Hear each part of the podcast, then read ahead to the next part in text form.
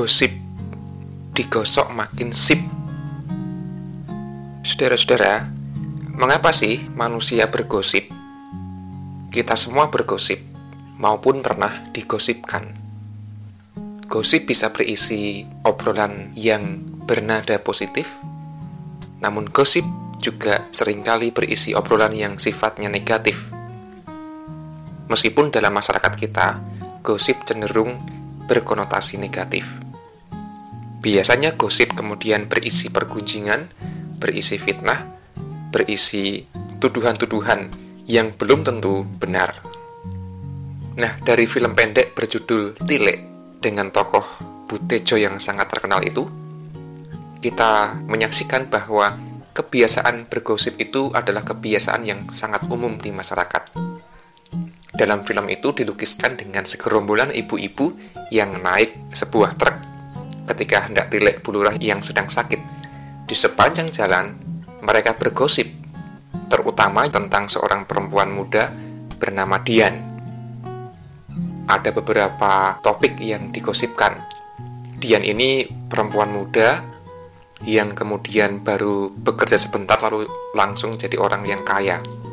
Lalu kemudian muncul rumor jangan-jangan pekerjaannya Dian itu nggak bener. Nah, tuduhan itu didukung dengan data-data misalnya ada orang yang memergoki Dian jalan di sebuah mall bersama dengan om-om misalnya. Atau informasi kabar burung yang mengatakan Dian itu pekerjaannya keluar masuk hotel misalnya. Lalu kemudian orang membayangkan dia perempuan yang tidak benar. Lalu ada gosip lagi yang mengatakan, oh Dian itu jangan-jangan pakai susuk sehingga dia cantik e, kemudian dituduh sebagai perempuan yang berpotensi menggoda laki-laki sekampung begitu. Ada lagi tuduhan yang mengatakan si Dian ini jangan-jangan pernah hamil. Mengapa? Karena pernah kepergok muntah-muntah di malam hari di pinggir jalan. Lalu juga Dian digosipkan dekat dengan Fikri, anaknya Bulurah, dan e, dikomentari oleh banyak orang mengapa tidak kunjung menikah saja, wong usianya sudah cukup umur, dan seterusnya dan seterusnya. Nah, pertanyaannya adalah mengapa manusia itu bergosip? Dalam sebuah literatur yang saya baca, konon manusia itu bergosip sejak zaman prasejarah dan manusia memang punya kebiasaan yaitu bercerita manusia sangat suka cerita. Manusia memahami hidup ini dari cerita. Manusia butuh saling bercerita supaya hidupnya itu bermakna.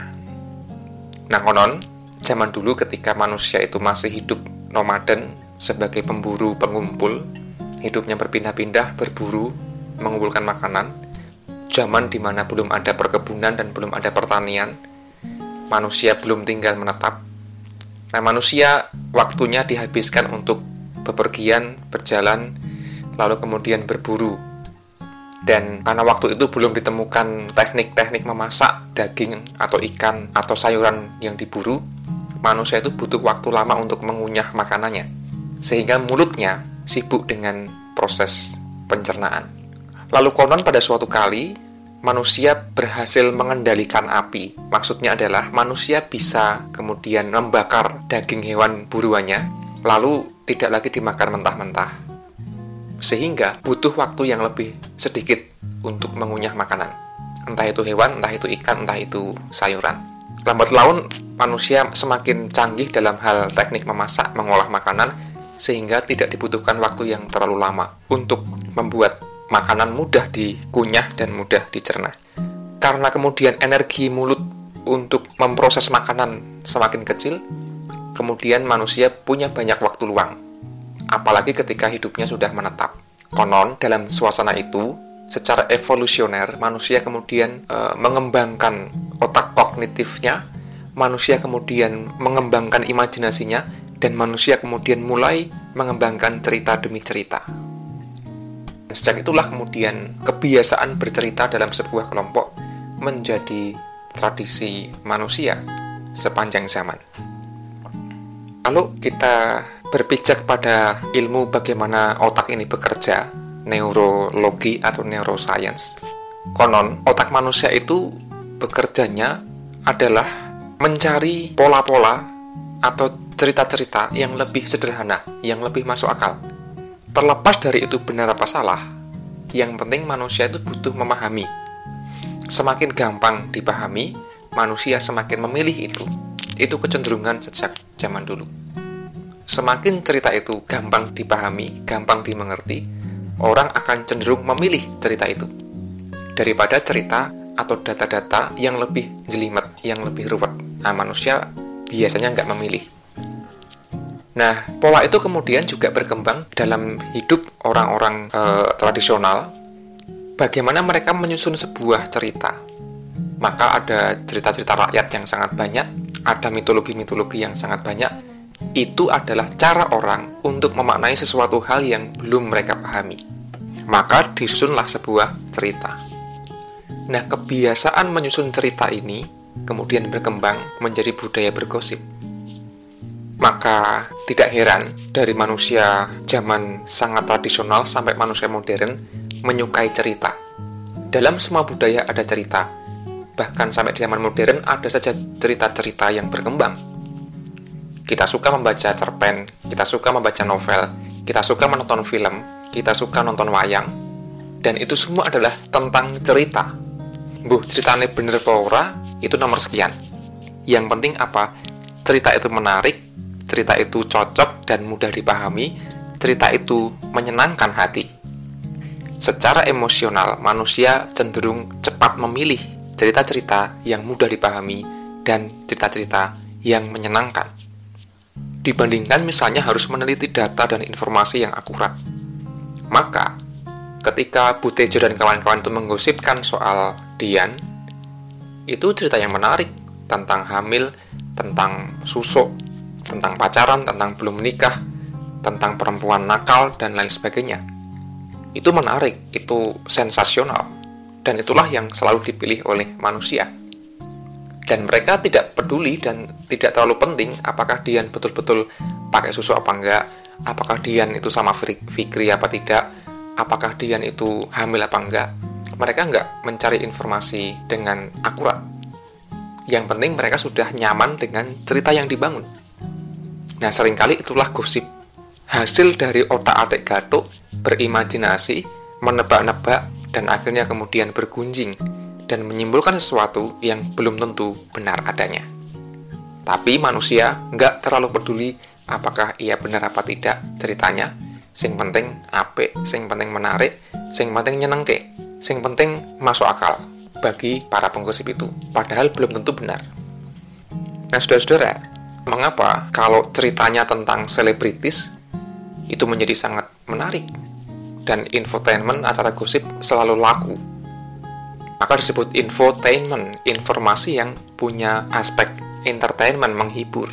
Jadi manusia itu memang butuhnya dihibur, butuhnya senang, butuhnya itu puas, persoalan informasinya akurat apa tidak, manusia kecenderungannya tidak peduli.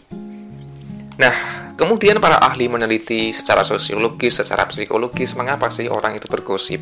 Konon, memang ada orang yang sangat suka bergosip, ada orang yang sangat tidak suka bergosip, itu ekstrim yang berlawanan. Namun di tengah-tengahnya ya ada eh, kita-kita ini yang kecenderungannya suka, kecenderungannya nggak suka, ada yang nggak suka banget, ada yang suka banget, ada yang tengah-tengah, dan lain sebagainya.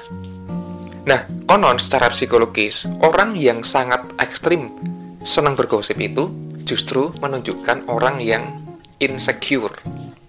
Insecure itu artinya merasa terancam, merasa tidak aman, merasa tidak nyaman hidup pribadinya, sehingga dia butuh teman untuk bercerita. Dia merasa sendiri dan dia merasa terpisah, maka dia butuh bercerita untuk menghubungkan hidupnya dengan orang lain, untuk mendukung, untuk menguatkan pikiran-pikiran dan imajinasi-imajinasinya. Nah, diakui apa tidak, itu analisis psikologis. Sekali lagi, untuk orang-orang yang kecenderungannya sangat suka bergosip, biasanya ada persoalan psikologis, yaitu dia merasa tidak aman dan tidak nyaman, insecure. Nah, dampaknya, saudara-saudara, Gosip itu barangkali menyenangkan bagi si penggosip, namun bagi orang yang digosipkan itu katanya bersifat toksik. Toksik itu kan artinya racun ya. Jadi seperti racun gitu. E, sesuatu yang membuat sakit, bahkan sesuatu yang bisa membunuh. Kita tahu bahwa ada banyak orang yang dihujat, digosipkan, dijadikan korban rumor-rumor yang nggak jelas di media sosial, kemudian mentalnya terganggu. Begitu dahsyatnya dampak dari gosip. Bagi orang-orang yang mentalnya belum siap, digosipin sedikit itu sudah sangat menggelisahkan. Nah, tentu kita punya pengalaman masing-masing. Lalu bagaimana kita supaya bisa bersikap dengan bijaksana Apakah kemudian bergosip itu sama sekali salah dan keliru? Sebenarnya enggak juga. Maka ada beberapa tips yang mungkin perlu kita uh, renungkan bersama. Yang pertama, gosip adalah cerita yang belum tentu akurat kebenarannya. Maka, langkah pertama adalah jangan langsung percaya gosip sebagai sebuah kebenaran. Tundalah kesimpulan, beranilah mempertanyakan dan kritis pada apa-apa yang digosipkan Ya karena kan cerita sifatnya mengalir, kadang dari mulut ke mulut sudah bisa melebar ke mana-mana dan berkembang ke mana-mana, semakin menyimpang dari apa yang benar. Yang kedua, kalau kita berada dalam situasi bergosip, melihat sisi-sisi lain bukan hanya yang negatif, namun yang positif dari hal atau dari orang yang digosipkan. Nek sing diomong kok sing elek terus, nah itu yang tidak sehat. Sesekali perlu juga menggosip tetapi yang sifatnya apresiatif, yang sifatnya memuji, yang sifatnya menghargai. Nah, bukankah cerita itu menjadi cerita yang baik, bukan cerita yang semata-mata buruk? Yang ketiga, mari belajar berempati. Kita menempatkan diri seandainya aku sing digosipke. Seandainya aku yang dirasani elek, seandainya aku yang digunjingkan. Bukankah kita juga akan merasa terganggu dan mungkin sakit hati? maka kita perlu berhati-hati mengenai budaya gosip itu. Nah, saudara-saudara, manusia memang berkembang kebudayaannya dengan cerita demi cerita. Namun, sekarang ini kita hidup di zaman media sosial, di mana cerita bisa dimanipulasi. Cerita bisa menjadi kabar bohong, hoax, yang dampaknya bisa sangat luar biasa. Maka, berhati-hatilah dan kritislah pada sebuah cerita. Dan untuk itu jelas perlu latihan, perlu belajar berempati. Saya juga tentu saja masih belajar, perlu belajar menghargai orang lain, perlu terus belajar untuk memperbanyak cerita-cerita yang sifatnya positif dan indah. Karena sudah terlalu banyak gosip-gosip dan cerita-cerita yang sifatnya negatif. Kemampuan manusia berimajinasi dan bercerita hendaknya dimanfaatkan dengan sebaik-baiknya untuk semakin menambah kehidupan yang harmonis. Semoga kita dimampukan oleh Tuhan yang menganugerahkan kepada kita kemampuan untuk berimajinasi, namun juga berpikir kritis, menganalisis segala cerita agar tidak terjebak dan terpancing pada gosip semata. Amin.